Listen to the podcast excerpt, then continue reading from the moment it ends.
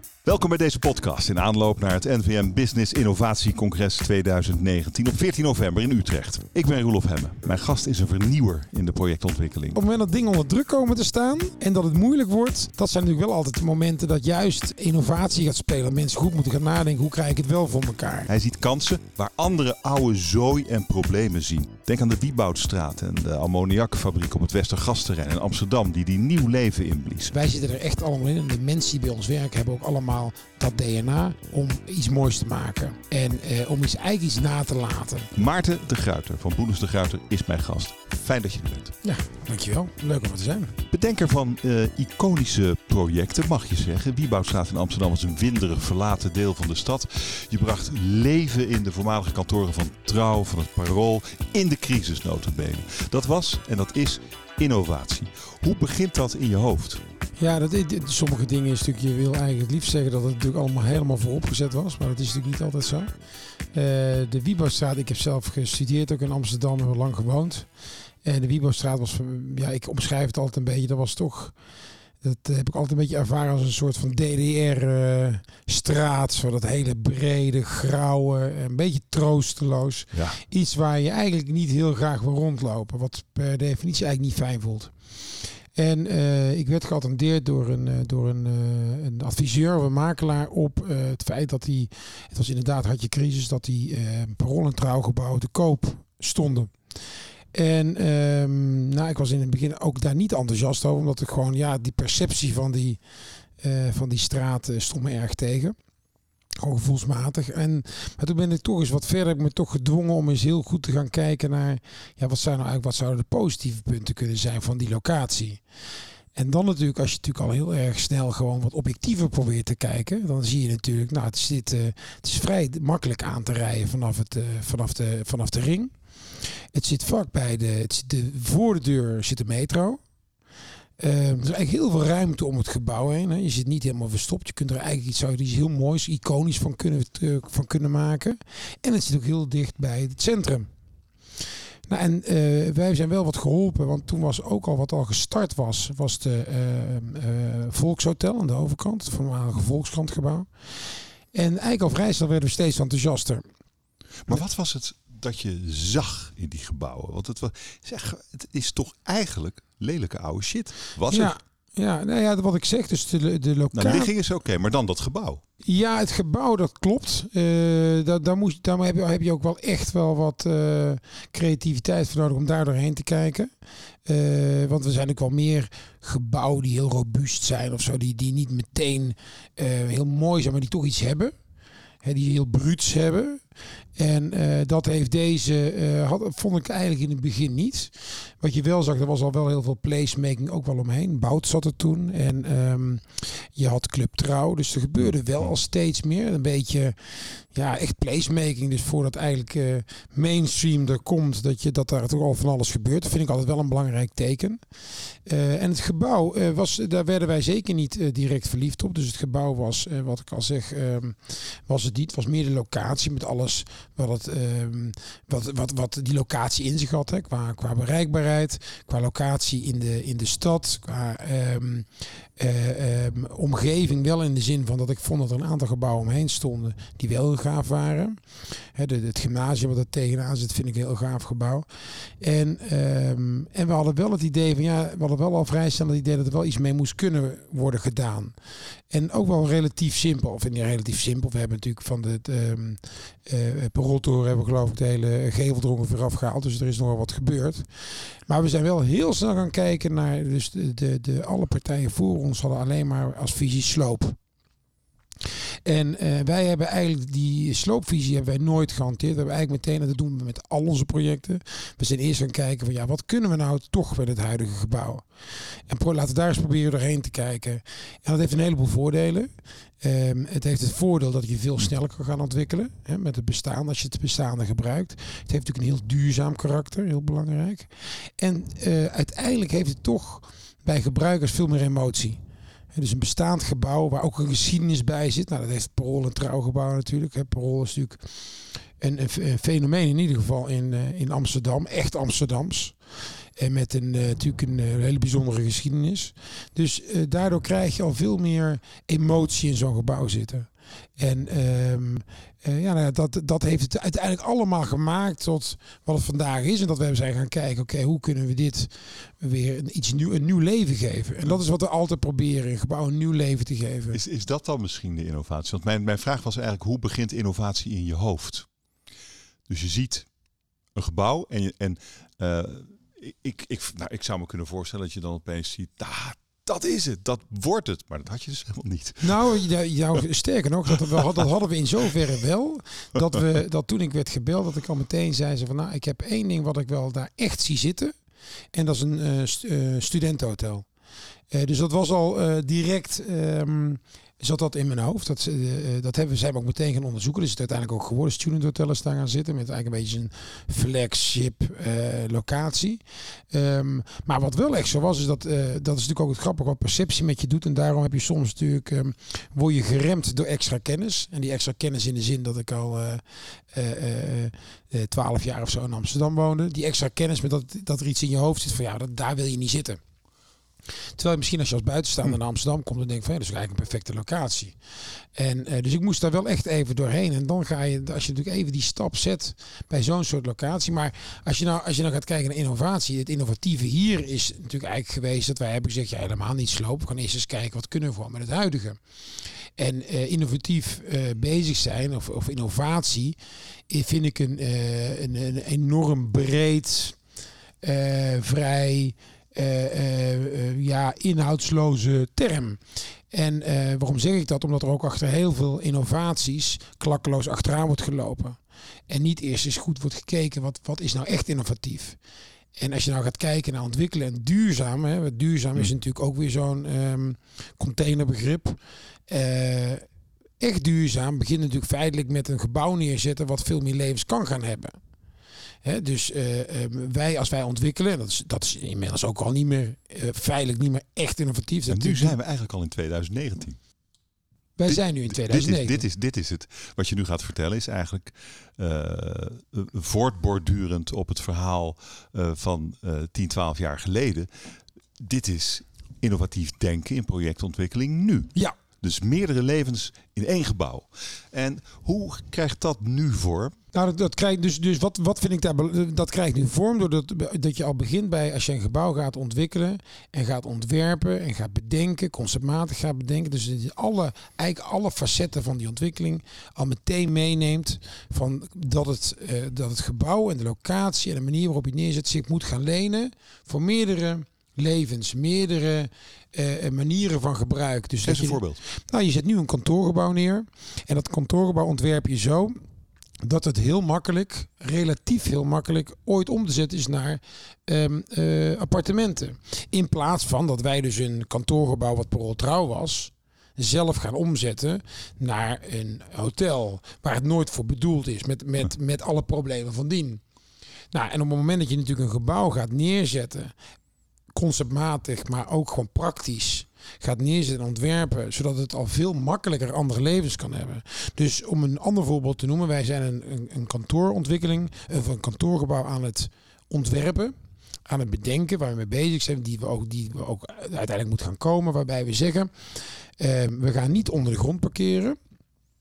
Maar we gaan parkeren op de verdiepingen. En die verdiepingen die maken we eigenlijk helemaal zo dus eigenlijk ook op een andere, kwalitatief op een hoogwaardige niveau. Maar die maken we helemaal zo dat het eigenlijk ook al een kantoorverdieping is. En dat als inderdaad de trend door gaat zetten dat we steeds minder auto's gaan gebruiken, dat die verdieping ook heel makkelijk weer kunnen worden omgezet naar gewoon een kantoorverdieping. Terwijl als ik natuurlijk drie lagen onder de grond ga bouwen aan parkeren, ja, die, die, die ga ik nooit meer ergens anders voor kunnen gebruiken dan voor parkeren. Tenzij we weer een atoomoorlog of iets verwachten. En je kan er een atoomkelder van maken. Ja, leuk idee. Maar verder kun je niks mee. Is dat duurder eigenlijk of goedkoper? Misschien is het wel goedkoper als je bovengronds bouwt. Ja, absoluut. Dus onder de grond. in de grond. Ja, dus eigenlijk wat, wat je. Wat twee je, keer slim. Ja, dus eigenlijk bijna iedere ontwikkeling die wij doen, um, um, is het de parkeerplaatsen die onder de grond liggen, zijn verliesgevend. Dus wij verdienen geen geld op onze parkeerondergrond. Sterker nog, daar leggen we dus geld op toe. Maar ja, je moet, je moet, het is zo duur om dat te bouwen. En het levert relatief te weinig op. Maar je moet ze, je moet ze leveren, want anders wordt je gebouw niet verhuurd. Dus waarom- uiteindelijk is het belangrijk voor je project. Ja, maar waarom hebben we dat dan jarenlang onder de grond gedaan? Ja, ik, ik- de, de, de, eh, de, aan de ene kant, dus de innovatie zat er blijkbaar dus nog niet in. En Interessant. waren we er ook niet mee bezig. En dat het ook heel, ja, dingen we, doen we vaak ook gewoon, maar omdat het zo, eh, omdat Ja. het zo doen. Hetzelfde weer terugkomt op Pro Trouw. Iedere partij die daarmee bezig was geweest, had alleen maar gekeken naar de optie sloop. Ja, en waarom? Ja, eh, waarom heeft er nooit iemand gewoon eens echt goed gekeken naar hetzelfde behouden? Wat je beschrijft eh, is eigenlijk adaptief bouwen. Dus je maakt een, een ding dat eh, nu een kantoor is en straks een appartementencomplex of een discotheek of een weet ik veel wat, Ja. toch? Maar je moet toch wel een beetje weten voor wie je bouwt en tegen welke prijs. Als nu iets nu een kantoor is en straks appartementen, dan moet je eigenlijk nu al weten eh, hoe die appartementen straks in de markt terecht zullen komen. En tegen welke prijs en voor wie. Hoe doe je dat? Hoe weet je dat? Nou, ik denk dat dat wel heel lastig is, want dan, is je, je moet ook, eh, je kunt ook niet te ver natuurlijk in de toekomst kijken. Je, je weet het gewoon eh, natuurlijk niet altijd. Ehm, maar er zijn natuurlijk al genoeg locaties. eh, zeker omdat er tegenwoordig natuurlijk de, de gebieden steeds meer mixed zones zijn. Hè. Dus ja, op dit moment proberen we natuurlijk altijd nieuwe gebieden, waar die ook zijn, dat dat eigenlijk een 24 uur economie kent. Hè. Eh, eh, en daarmee bedoel ik dat het niet een, een monotone functie heeft. Niet alleen maar kantoren, niet alleen maar wonen. Hmm. Eh, dat proberen we zelfs in gebouwen af en toe al te doen natuurlijk. Maar zeker in gebieden.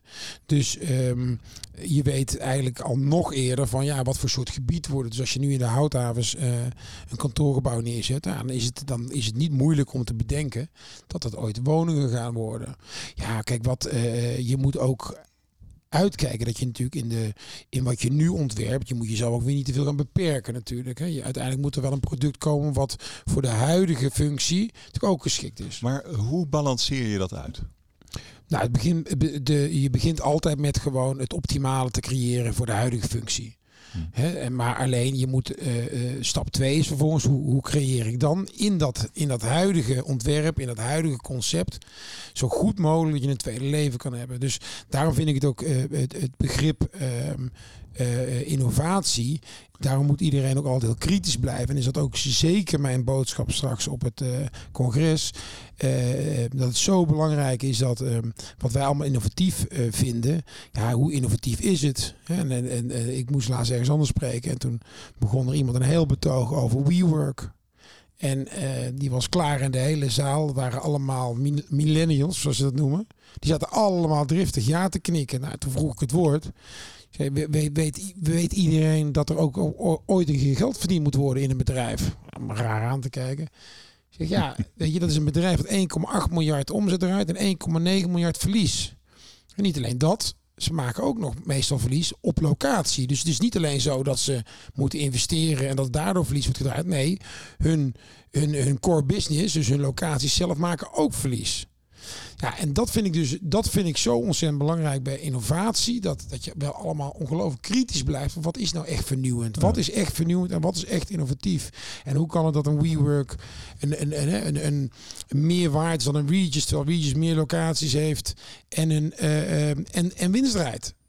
Maar we, we vinden allemaal WeWork vinden we innovatief en geweldig. Ja, dat vind ik, dat vind ik niet kritisch. Dus we moeten wel kritisch blijven. En op het moment dat iemand het meest duurzame gebouw neerzet, in Sloterdijk bijvoorbeeld, maar eh, de gebruiker voor dat kantoor laat 200 meter verder een heel groot pand achter, vind ik niet duurzaam. Ja, die kennen we. Ja. Dus innovatie eh, is ook een beetje poeha. Als je nu terugkijkt op je, op je eigen eh, vernieuwing, de, de, de vernieuwing in je carrière als projectontwikkelaar, dat is er toch, dat begint er dan toch mee met ook kansen te zien en toch even te kantelen. Je perspectief misschien te kantelen. Als je terugkijkt, hoe zou je.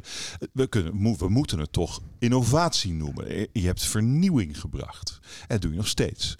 Eh, hoe noem jij het dan? Kantelen, een ander perspectief, kritisch kijken. Wat is het? Nou, dat, eigenlijk dat allemaal wel een beetje. Dat, dat, dat heb je goed voor mij eh verwoord. Maar ehm, nou ja, kritisch kijken. Ik, het, het- ik vind dat het uiteindelijk allemaal eh, start bij echt creativiteit. En dat is ook het mooie, vind ik, van ons beroep. Creativiteit. Oké, de creativiteit, die had ik niet genoemd eigenlijk. Creativiteit is, daar begint het eigenlijk mee. Ehm, en wat is dan bij jou creativiteit? Bij ons begint het de creativiteit echt met het zien wat er misschien, wat de, misschien de meesten niet zien. En eh, dat kan zijn een, eh, ehm, inderdaad een, een en trouwgebouw. eh, waarbij iedereen denkt van wat een gore oude bak op een smerige plek. En dan toch uh, daar doorheen kunnen kijken. En, en, en wat, er, wat, zie je, wat zien we wel? Wat staat er wel? Dus die mogelijkheid zien. Um, nou ja, die, die ammoniakfabriek overigens is die op het Oostergasterrein, niet op het Westergasterrein. Oh, sorry, Oostergasterrein. Ja, neem niet kwalijk. maar dat was natuurlijk een, dat was het oude dierasiel en dat was gekraakt en dat is nu een fantastische brouwerij geworden. Een heel klein project waar we heel erg trots op zijn. Ja, toch daardoorheen allemaal kunnen kijken en zien van ja, wat, wat, wat hopelijk niet iedereen ziet. En um, dus ik vind het, het begint allemaal met creativiteit. En die creativiteit die komt ook terug in bijvoorbeeld zoiets als uh, um, ja, hoe lossen we nou parkeren op? En hoe lossen we dat parkeren op? Maar niet alleen dat het nu is opgelost, maar dat we iets hebben aan die ruimte. En um, wij worden nooit alleen gedreven door duurzaamheid of alleen gedreven door geld. Of het, het is een, een mix van dat alles. Je kijkt natuurlijk veel breder dan ook alleen maar een gebouw.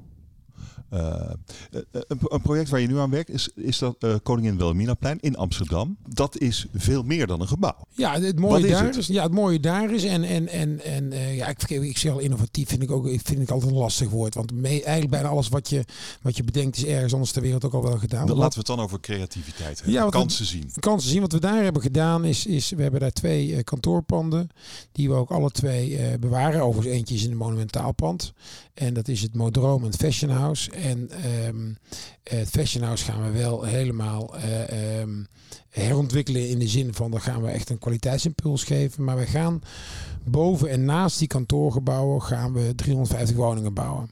En wat we daar dus eigenlijk doen is, is maximaal um, uh, de ruimte benutten. Dus um, echt intensiveren van de, van, de, van de ruimte die we daar hebben, van de locatie. Maar ook een enorme upgrade geven. En ook toevoegen dat je eigenlijk een 24 uur economie daar gaat krijgen. Maar wat is intensiveren van de ruimte? Nou ja, dat we daar nu wordt die, wordt die kijk, in Amsterdam is natuurlijk maar uh, klein. Hè? Dus, uh, en, we moeten, en vol. En vol. Dus hoe gaan we om met onze ruimte? Hoe kunnen we de ruimte optimaal benutten? Dus wat wij daar doen is, we hebben daar twee kantoorpanden. We gaan niet twee kantoorpanden weghalen en daar woningen zetten. Nee, we gaan, we gaan daar overheen en daarnaast uh, woningen bouwen. Dus die zweven er eigenlijk bijna boven. Je verbindt beide kantoorgebouwen door middel van die woningen? Nee, nee het, is, het zijn die twee kantoorgebouwen blijven helemaal op zichzelf staan. En daarboven um, komen 350 woningen erboven en daarnaast. Maar het is, um, dus wat je daar eigenlijk doet, is je, je, je verbindt zowel het werken als het wonen. Uh, maar je verbindt ook twee bestaande gebouwen van één monumentaal met een hypermodern uh, nieuw uh, woongebouw. Um, alle soorten doelgroepen komen erin in de zin van de sociaal middensegment en uh, vrije sector. Dus ook daar maak je een enorme mix. Uh, voor, als we het dan even hebben over een inclusieve stad, waar iedereen moet kunnen wonen. Dat is wel een riskante mix. Um, Verschillende leefstijlen misschien door elkaar. Wat het makkelijk het gevolg zou kunnen zijn van de mix die je noemt, zou een risico kunnen zijn. Hoe ja, ondervang je dat? Het, het, gaat hier natuurlijk om, uh, wat in overigens natuurlijk in een heleboel plekken in Amsterdam gebeurt, gaat hier natuurlijk, uh, leefstijl is de één ding, maar het gaat natuurlijk eigenlijk om uh, inkomensklassen, hè, waar we het hier over hebben. Daar kunnen leefstijlen bij horen. De, absoluut, absoluut. Ja. Um, dat is een, in, in zover, ja, wij zien dat, ik denk dat je dat ook heel goed kan scheiden. Het is natuurlijk een beetje, hè, hebben ze de, de, de, de verschillende gebouwen hebben ook allemaal een eigen opgang bijvoorbeeld. Wat ook logisch is, want het ene uh, gebouw is wat anders afgewerkt dan het andere. is natuurlijk een andere uh, kwaliteitsniveau, gewoon een ander investeringsniveau. Maar uiteindelijk, als je gaat kijken in Amsterdam, hoe Amsterdam is opgebouwd, ja, tot en met in de, op de gracht heb je natuurlijk gewoon sociale woningbouw. Dus Amsterdam is natuurlijk, staat natuurlijk wel bekend omdat ja, door de hele stad eigenlijk verwoven is dat uh, uh, al die groepen door elkaar heen leven, letterlijk door elkaar heen. Gebouwen die naast elkaar zitten, die over elkaar zitten, op elkaar staan. dat heb je al. En dat werkt vooralsnog heel erg goed eigenlijk in de meeste plekken van de stad. En tussen die kantoren, daar is ook nog publieke ruimte. Ja. Wat kun je doen met publieke ruimte? Ja, de, de, de, publieke wat natuurlijk zo belangrijk is van de publieke ruimte, daar zijn natuurlijk eh, daar, eh, daar kun je op afstuderen, is dat het natuurlijk een plek moet zijn waar iedereen zich eigenlijk thuis voelt, hè, waar je van nature rondloopt en dat je je, prettig voelt. Dus eh, waar je vroeger uh, voor de Proltrautoren stond, om daar even weer de uh, vergelijking te maken, zeg maar twaalf jaar geleden, en een winderige gebied waar je je niet happy voelde, waar je nu ineens staat en waar je het idee hebt dat je in een soort van bruisend stuk Berlijn bij wijze van spreken bijna staat. En ehm, eh, dat heeft te maken met uh, zorgen dat er dus levendigheid is. Hè. In de plint zorgen dat er dus dingen gebeuren. Dat er geen dode gevels eigenlijk zijn waar achter niks gebeurt. Dus waar continu eigenlijk wel iets is. Het, is, dus het kan horeca zijn, dat kan, kan sport zijn. maar ook de inrichting van je openbare ruimte. Dat vind ik zo mooi. Wat ik zo mooi vind, een voorbeeld vind, of waarom ik de Wieboudstraat een voorbeeld vind, daar kun je echt zien dat je toch echt een stad kan maken. He, dus uh, um, het is echt maakbaar. Hm. Dus die stad is echt maakbaar. En, en niet eens door een één groot gemeenschappelijk plan. Hè, want mensen hebben er allemaal afzonderlijk van elkaar gewerkt. Dus de gemeente heeft daar echt ontzettend goed gezorgd voor een goede buitenruimte. Hè, die zijn er op een gegeven moment, eh, met name in, die, in dat hele middenstuk, hè, zijn bomen gaan neerzetten. Die, die trottoirs zijn helemaal aangepakt. En vervolgens hebben ja, toch een beetje toeval of niet toeval. Verschillende marktpartijen zijn er ook aan de gang gegaan.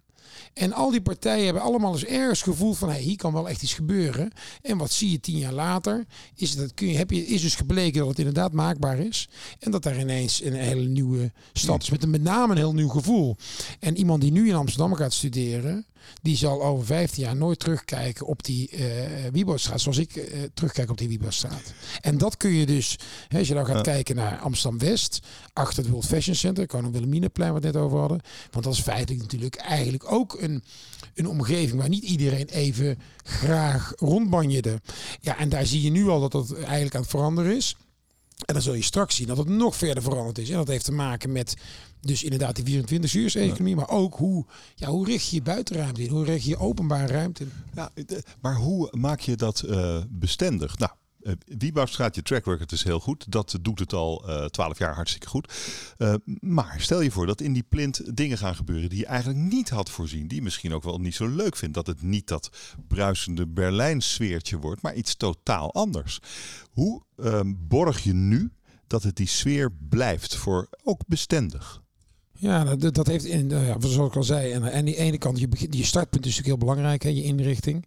Daarnaast is het natuurlijk heel belangrijk, wie zijn je partners in die omgeving? Hè? Wie zijn de andere eigenaren? Wie zijn de andere belanghebbenden? En hebben die, hebben die allemaal hetzelfde voor ogen? Maar hoe zorg je daarvoor, dat die allemaal hetzelfde voor ogen nou, hebben? Uiteindelijk natuurlijk heel goed communiceren met elkaar, heel goed communiceren. Hmm. Wij, wij doen dit samen met uh, Kronenberg. Wij ontwikkelen ook hmm.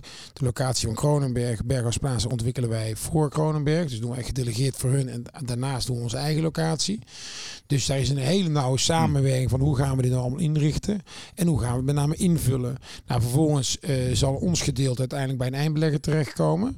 Nou ja, daar zul je natuurlijk. Uh, uh, wil je uiteindelijk ook dat daar een eindbelegger in stapt die diezelfde visie wel zal hebben, zoals wij die hebben. Is hier, is hier serieus geld mee te verdienen? Serieuzer dan met distributiecentra bouwen, bijvoorbeeld? Ja, dat is lastig, want het is. Kijk, wij zijn met name gespecialiseerd. Wij zijn, wij, wij zijn echt goed. We doen ook wel andere ontwikkelingen, maar wij zijn denk ik echt goed in dat binnenstedelijke, hmm. lastige binnenstedelijke, of laat ik zeggen, complexe binnenstedelijke ontwikkelingen. En um, um, die zijn natuurlijk, ja, het woord complex zegt het al, uh, die kunnen ja, natuurlijk af en toe veel langer duren. Um, uh, de bouw is vaak veel moeilijker in te schatten. Een distributiecentrum is natuurlijk veel makkelijker in te schatten op voorhand al wat daar de kosten zijn. Er zijn veel meer risico's. Veel meer risico, ja. En ik denk niet dat, uh, nou weet ik een beetje wat van distributiecentra af, maar niet heel veel. Maar ik denk dat in theorie ook uh, um, ja, het verdienmodel van logistiek of van distributiecentra veel beter is dan van binnenstedelijke ontwikkelingen. Waarom doe je dan binnenstedelijke ontwikkeling? Nou, omdat ik er niet in zit voor het geld. Oké. Ja, nee, dus binnen ons bedrijf... Uh, is, is, geld absoluut geen drijfveer. Uh, een project uh, moet voldoen aan onze uh, basisvoorwaarden qua fi financiële haalbaarheid, zal ik maar zeggen. Dus het model moet kloppen. Maar wij willen, wij zitten er echt allemaal in. En de mensen die bij ons werken hebben ook allemaal dat DNA om iets moois te maken. En om iets eigenlijk iets na te laten. En um, Ehm, dat wil niet zeggen dat, iets, hè, dat wij het doen op het randje, dat het net een beetje geld moet verdienen, dat dan goed is. Nee, helemaal niet. Dus het financiële model moet helemaal kloppen. Maar wij zullen nooit gaan voor die optimalisatie van de, uh, van de winst. Wij, willen, wij gaan voor optimalisatie van het project. Um, dus dat is misschien ook wel innovatie. Dat je denkt, ik wil alleen maar doen wat ik gaaf vind, wat ik kwaliteit vind, wat, wat ik innovatie en creativiteit vind. Uh, en dan komt het geld er dus gewoon vanzelf achteraan. Nou zijn de omstandigheden misschien daar ook wel gunstig voor. Er is veel vraag naar uh, beleggingsobjecten en ze zijn er niet zo heel veel, toch? Zeker niet hoogwaardige beleggingsprojecten. ja, nou de tijd is eigenlijk... Um, de tijd, in, eigenlijk in de crisis ging het vlotter. Hmm. Um, het probleem waar wij op dit moment wel heel erg tegenaan lopen, is dat um, uh, het, het, het, ontwikkelen nu in, in steden heel lastig is. Met name door uh, toch al door de overheden. Die um, weinig pragmatisch op dit moment bezig zijn. Uh, die veel meer hobbels opwerpen dan juist zorgen dat projecten er snel komen. Geef eens een paar voorbeelden daarvan uit je eigen praktijk. Wij doen in Bussen bijvoorbeeld een, een ontwerp, in Bussen een ontwikkeling waar we 100 appartementen kunnen ontwikkelen. En dit heeft ook, dit hele verhaal heeft ook tot met het FD gestaan. En daarin, um, onze ontwikkeling zit naast een hele grote ontwikkeling. Krailo heet, dat, uh, heet die ontwikkeling, die is van drie gemeentes. Maar wij liggen gewoon in één van die gemeentes. En vervolgens heeft eigenlijk de, het projectbureau van Kruilo onze locatie toegeëigend in de zin van nou die moet meegaan in onze planvorming. Waardoor onze ons project jaren vertraagt. Waarop wij naar de gemeente gaan en zeggen: jongens, luister, nou, je moet niet alles aan elkaar gaan binden. Als je alles aan elkaar gaat knopen, komt er natuurlijk nooit wat. Terwijl 100 appartementen zou voor een gemeente als Bussum natuurlijk heel welkom zijn. Nou, dat is een voorbeeld van gewoon pragmatisme. Daar hoort gewoon een wethouder te zijn die met zijn vuist op tafel slaat. Jongens, luister nou eens even. Ophouden met die onzin. Hè. Zo, eh, zoals eh, ooit een wethouder in Amsterdam zei: in gelul kun je niet wonen. Dat project moet gewoon doorgaan. En het moet gewoon passen binnen alle kaders dat, hmm. Uiteraard. Maar niet dat die, dat die onzin met alles aan elkaar te knopen. Dus nou, dus en vervolgens is er dus een project wat al, anderhalf, wat al bijna twee jaar geleden in de bouw had kunnen worden genomen. Is er nog steeds niet. Nou, en, dat zijn, en dat zijn dingen die, die maken wij op heel veel plekken op dit moment mee. Amsterdam is natuurlijk een, uh, wat dat betreft ook wel echt een, een slecht voorbeeld in de, in de meeste gevallen. Hè, waar wij anderhalf jaar bezig zijn om, uh, om een erfcontract uh, met elkaar overeen te komen. Ja, dat vind ik, dat vind ik uh, uh, onbegrijpelijke zaken. Dus eigenlijk is de, de, de grootste obstructie voor innovatie, voor, voor creativiteit, is eigenlijk de overheid. Hmm, ja, um, dat, nou ja, ik weet niet of het een obstructie voor innovatie is. Want hoe moeilijker iemand je het maakt, hoe innoverender misschien. Hè, hoe dat meer, geldt misschien voor jou. Ja, Hoe, hoe, je toch gaat zoeken van hoe gaan we het dan wel doen.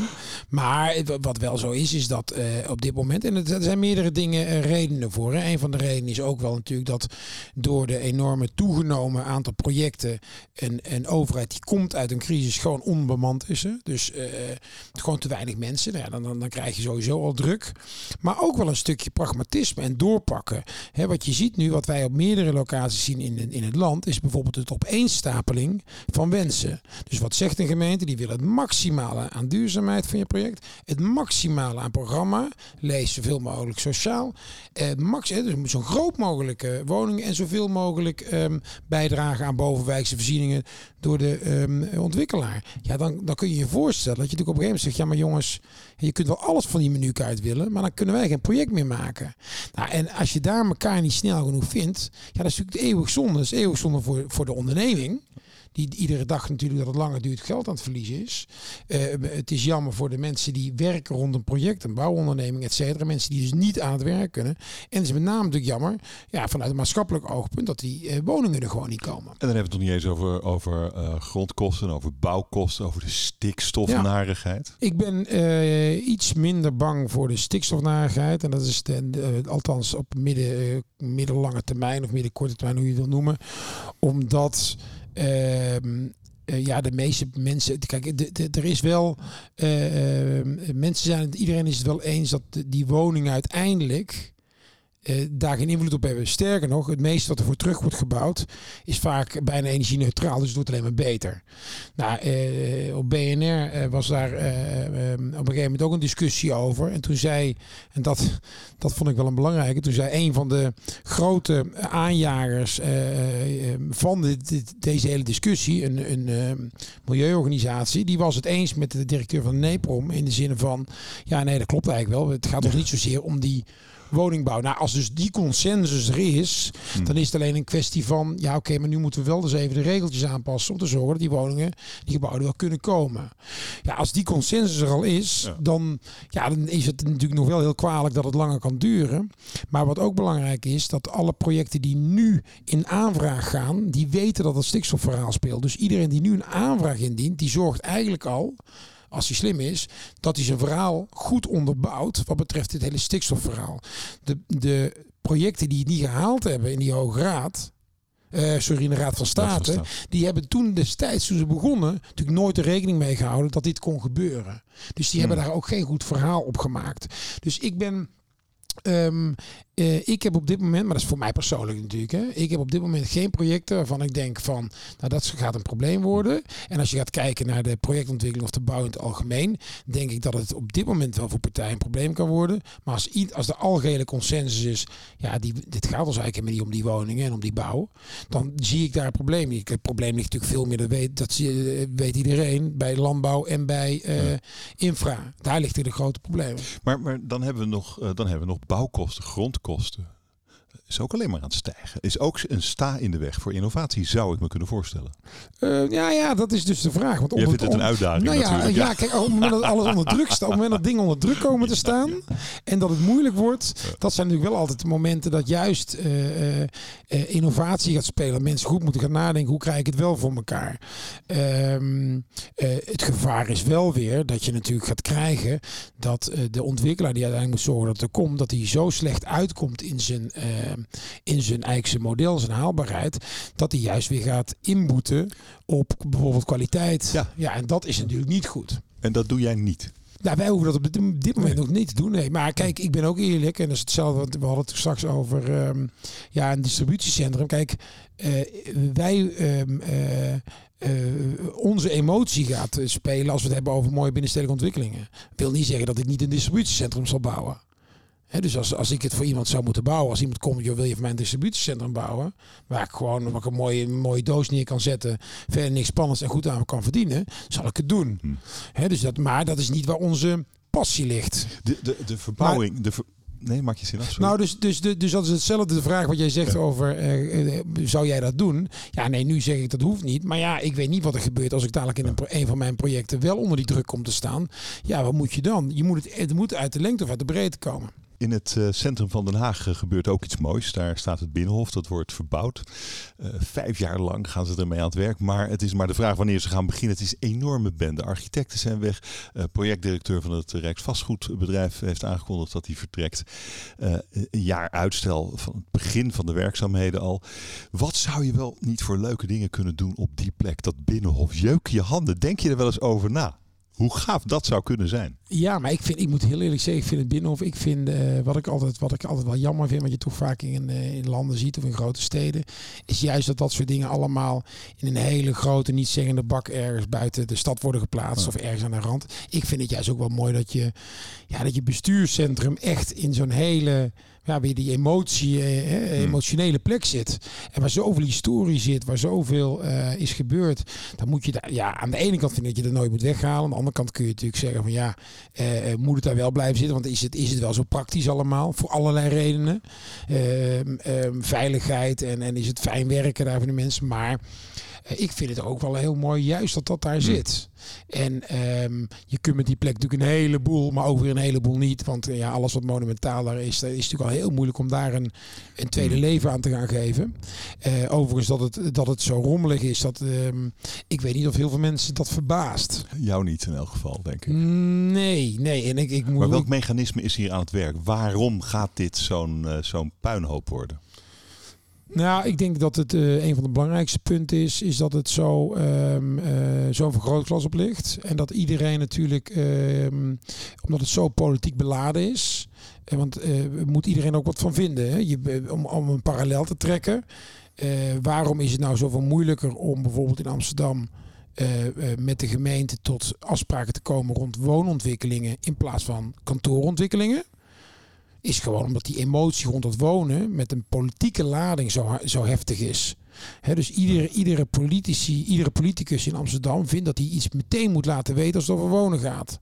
is zijn segment wel vertegenwoordigd? Terwijl als ik een kan, over een kantoor ga praten met de gemeente Amsterdam in een kantorengebied, ja, weet je, er is niemand die daar echt, er is geen kiezer die daarvan wakker ligt, echt van wakker ligt.